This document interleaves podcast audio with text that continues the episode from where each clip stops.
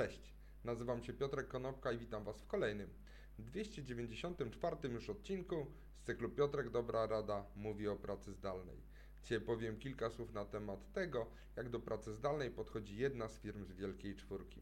Otóż oddział w Wielkiej Brytanii firmy Deloitte y, właśnie ustami swojego prezesa Richarda Hudsona powiedział, że pracownicy będą mieli możliwość wyboru pracy zdalnej, bądź pracy z domu, bądź pracy stacjonarnej, tak długo jak sobie tylko tego zażyczą. Przypomnijmy, że w Deloitte'ach w Wielkiej Brytanii pracuje około 20 tysięcy ludzi i praca zdalna była w tej firmie wdrażana tak naprawdę od 2014 roku. Natomiast przed pandemią mniej niż połowa pracowników mówiła czy y, deklarowała, że pracuje zdalnie z domu.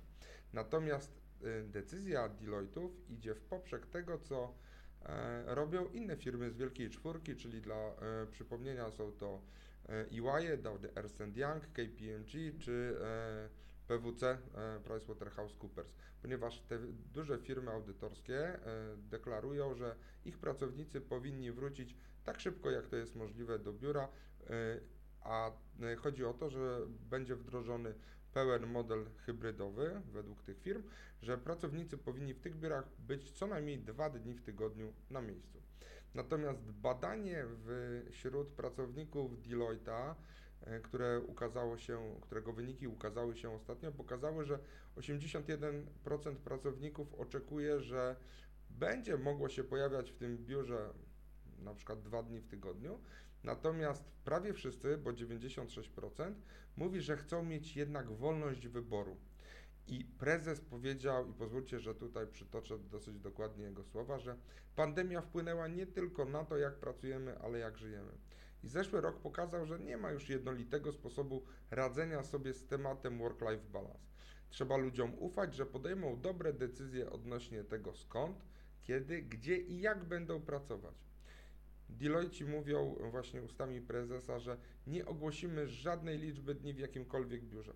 To znaczy, że ludzie sami wybiorą, jak często przyjdą do tego biura, a ich celem ma być jak najlepsze zaspokajanie potrzeb klientów. Zaś biura będą przez tą firmę używane głównie na spotkania z klientami, szkolenia czy projekty wymagające jednorazowego pobytu kilku pracowników w jednym miejscu. Odnosząc się do sytuacji w Wielkiej Brytanii, rząd y, brytyjski mówi, że nie ma planów wdrożenia pracy zdalnej na stałe czy wprowadzenia prawa zmuszającego do takich kroków, a chodzi o obietnicę Borysa Johnsona z 2019 roku, że praca zdalna będzie defaultowym modelem pracy, chyba że pracodawca bądź pracownik podejmą inną decyzję. A jak u Was jest z powrotami? Dajcie znać w komentarzach. Dzięki serdeczne, do zobaczenia i usłyszenia jutro. Na razie.